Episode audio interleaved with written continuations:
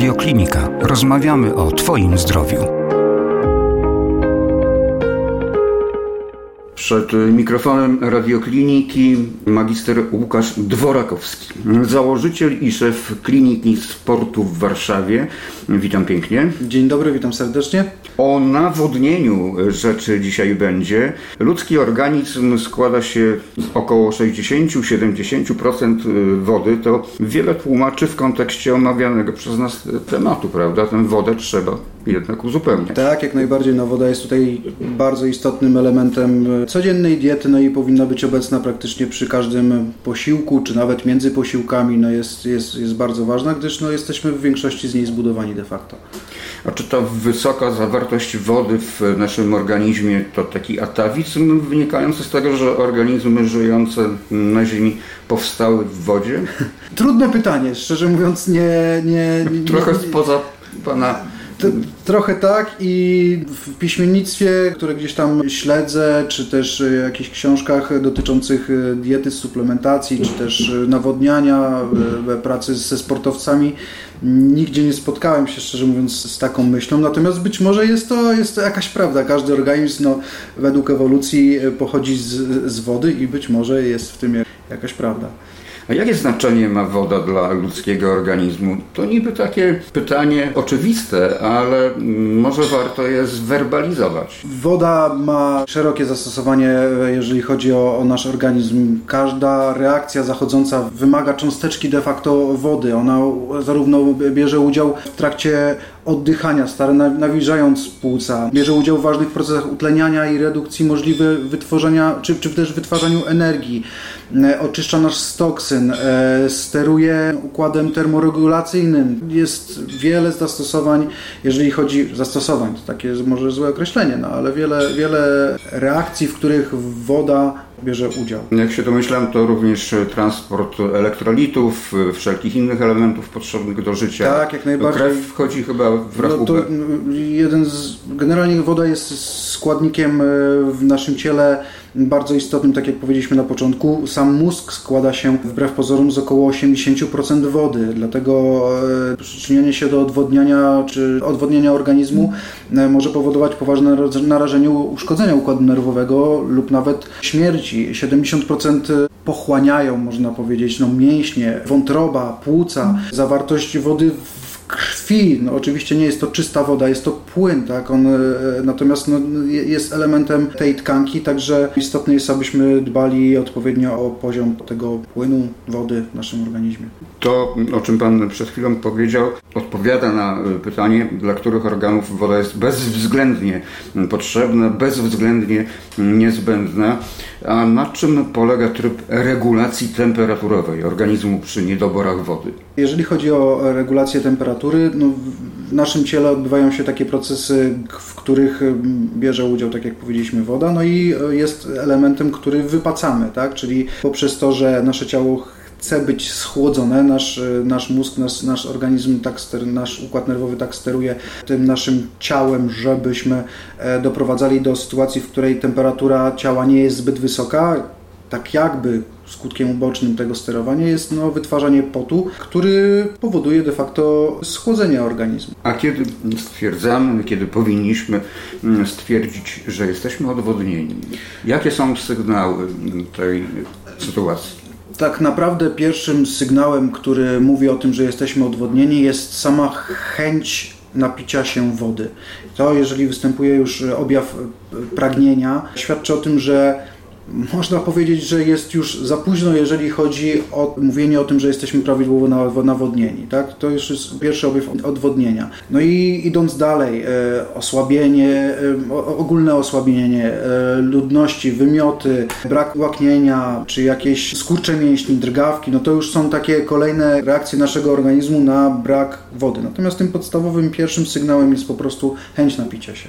Czyli te ekstremalne sytuacje, w przypadku odwodnienia oczywiście, mogą prowadzić do interwencji służb medycznych i nawet hospitalizacji.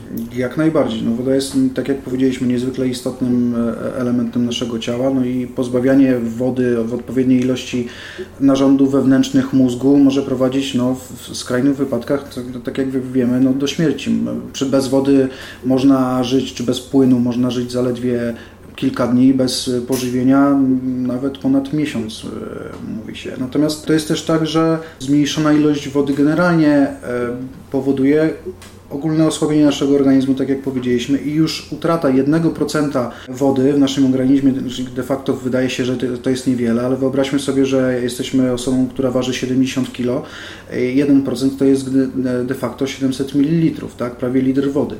I ten litr wody już może powodować osłabienie w reakcji naszego ciała na, na różne sytuacje. Odwodnienie na poziomie 1% może stanowić istotny wpływ na rezultat.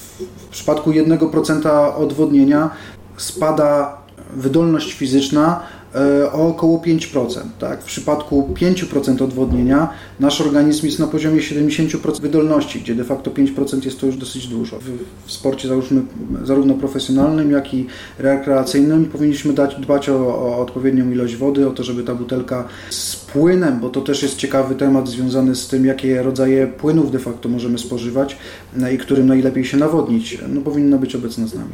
No właśnie, co jeśli ktoś po prostu nie lubi wody, ale spożywa e, za to soki, napoje, herbatę? Płyny, które spożywamy, można w skrócie podzielić na trzy rodzaje: e, hipotoniczne, izotoniczne i hipertoniczne.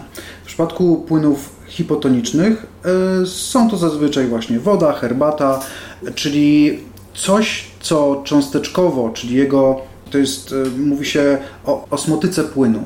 Cząsteczkowo ten płyn jest rzadszy niż płyny ustrojowe, przez to on łatwo przyswajany jest przez organizm, natomiast szybciej też przez nas, tak jakby można powiedzieć kolokwialnie, przelatuje i szybciej go wydalamy. E, e, jest rzadszy niż płyny uzdrojowe. W przypadku e, płynów izotonicznych ta osmolarność jest już na poziomie zbliżonym do płynu ustrojowego, przez to poprzez to, że przyjmujemy e, ten płyn do naszego ciała, on w dużej mierze bardzo dobrze wchłania się w nasz organizm i w sposób istotny uwadnia go, nawadnia go.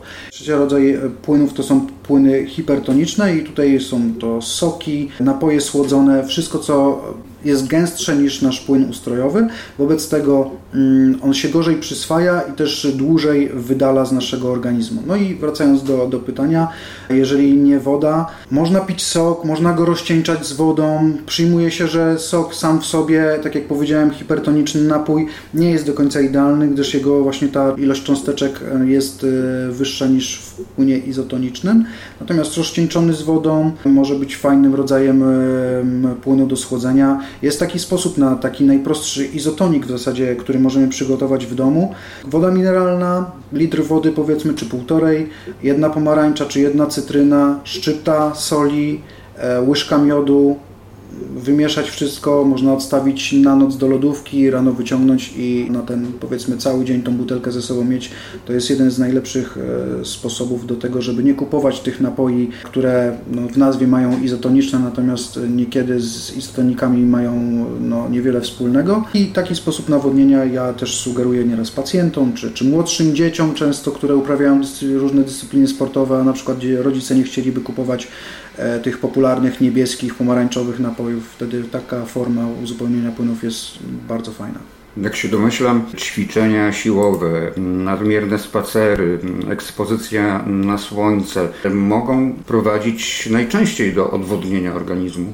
Tak, zgadza się. No to są czynniki, które predysponują do tego, żebyśmy tych płynów pozbywali się, tak jak powiedzieliśmy, i, z potem, no ale też woda to jest wydychane powietrze, to jest y, wydalany mocz, to są te miejsca, którymi gdzieś ta, ten, ten płyn ucieka i musimy go uzupełniać. Tak? Ludzie żyjący w krajach tropikalnych bardziej są narażeni na utratę wody z organizmu? Teoretycznie tak, natomiast y, to jest też tak, nie mieszkają tam od dzisiaj, tylko ewolucja przystosowała ich do utrzymywania tej wody i ich organizm funkcjonuje na pewno na trochę innym poziomie niż w naszych europejskich warunkach, w europejskim klimacie. Nurtuje mnie takie pytanie, bo w obecnych czasach zaleca się wypijanie minimum półtora, nawet dwóch litrów wody dziennie.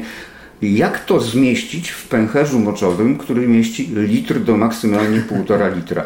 Wiadomo, że e, płyny, które spożywamy, czyli te, te 2, 2,5, 3 litry płynów dziennie, rozkładamy w czasie. To nie jest tak, że mamy nakaz i wręcz jeżeli ktoś by stosował się rygorystycznie do tego, stwierdzi, że rano czy po południu nie piłem, wobec tego, żeby nadrobić ilość wypitego płynu, o godzinie 16 wypijam litr wody naraz, tak? czyli nie wiem, cztery szklanki, bo to z kolei może prowadzić wbrew pozorom do zagrożenia życia, gdyż zbyt duża ilość płynu przyjęta jednorazowo może negatywnie wpływać na nasz organizm. Także te ilości to są ilości, które rozkładamy w ciągu no może nie powiedzmy 24 godzin, ale tych 15 e, godzin funkcjonowania, tak? Jest Pan fizjoterapeutą, a mm, co robi fizjoterapeuta w przypadku, kiedy zjawi się u niego osoba odwodniona?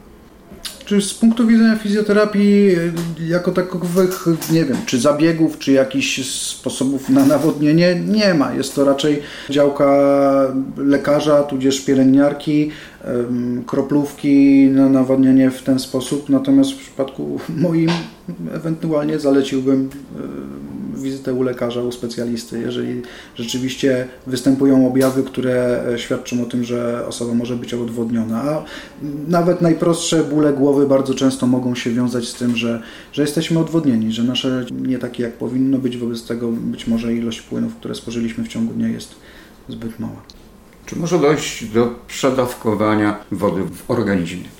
Tak, jak najbardziej. No, tak jak poruszyliśmy temat tego picia wody, nie, nie należy pić jednego litra czy nawet dwóch litrów wody na raz, przyjmować płynu, bo to może prowadzić do negatywnych skutków w naszym organizmie. Spotkałem się mm, gdzieś w, w takim, że tak powiem, życiu codziennym, że mm, czy gdzieś czytałem w, w, jakiejś, w jakimś piśmiennictwie, że ktoś się z kimś na przykład założył, że wypije 5 litrów wody na raz. Okazywało się, że czy 3 litry wody na raz, okazywało się, że no, dochodziło do stanów zagrożenia życia lub nawet śmierci. Początkiem przedawkowania wody, czyli e, zbyt szybkiego przyswojenia tego płynu jest, może być osłabienie, może być nudności, wymioty, nierówność źrenic, drgawki, skąpomocz, wzrost ciśnienia, czy nawet w drugą stronę bezmocz. Natomiast jeżeli nie wprowadzimy odpowiedniego leczenia, może dojść do śpiączki czy, śpiączki, czy uszkodzenia ośrodkowego układu nerwowego, a nawet tak jak powiedziałem, no, śmierci. Także rzucanie się na wodę w kontekście tego, że musimy się prawidłowo nawadniać i nie wiem, zapomnieliśmy, więc teraz będziemy tutaj wlewać w siebie płyn, jest też, może być też negatywne. Wiemy, jak wprowadzać prawidłowo wodę do organizmu, więc porcjami stopniowo przez te mm, kilkanaście godzin na dobę, ale nie każdy to stosuje. Jakby Pan zachęcił do nawadniania organizmu? Takim pierwszym, najprostszym sposobem chyba, który można zastosować, to jest po prostu posiadanie butelki wody zawsze ze sobą. Oczywiście na tyle, na ile jest to możliwe. Ta butelka sprawia, no, że jednak gdzieś tam zawsze na nią zerkniemy, spojrzymy, ok, złapiemy łyczek, możemy pracować dalej.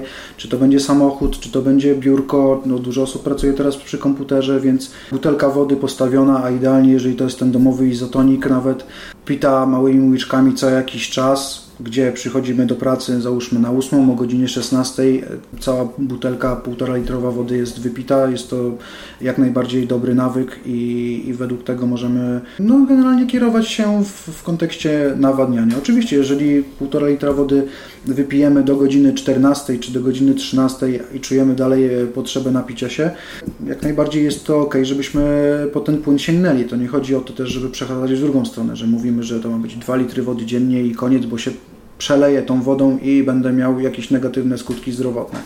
W kontekście skutków negatywnych mówimy raczej o spożywaniu płynów jednorazowo na raz w bardzo krótkim okresie czasu. Natomiast nawadnianie się takie co jakiś czas popijanie wody jest jak najbardziej korzystne. Za to podsumowanie ważnego tematu, nie tylko w dobie upałów, ale także każdego dnia mm, bardzo dziękuję, bo e, właśnie na finał warto podkreślić, że nawadniamy się nie tylko kiedy skłania nas do tego pogoda, ale mm, każdego dnia w roku, prawda? Tak, jak najbardziej. I tu też można powiedzieć, że nieraz złudnym bywa to, jeżeli e, jest okres jesienno-zimowy, rzeczywiście słońce nie operuje tak jak w lato, wobec tego wbrew pozorom wydaje nam się, że nie chce nam się pić, nie potrzebujemy tej wody, dalej trzeba dbać o to nawodnienie, żeby ten nasz organizm no, mógł funkcjonować prawidłowo, bo, bo to ona jest bardzo istotnym elementem w naszym ciele. O nawadnianiu ludzkiego organizmu rozmawiałem z magistrem Łukaszem Dworakowskim, założycielem i szefem Kliniki Sportu w Warszawie. Bardzo dziękuję za tę rozmowę. Dziękuję bardzo. Więcej audycji na stronie radioklinika.pl i w naszej aplikacji mobilnej.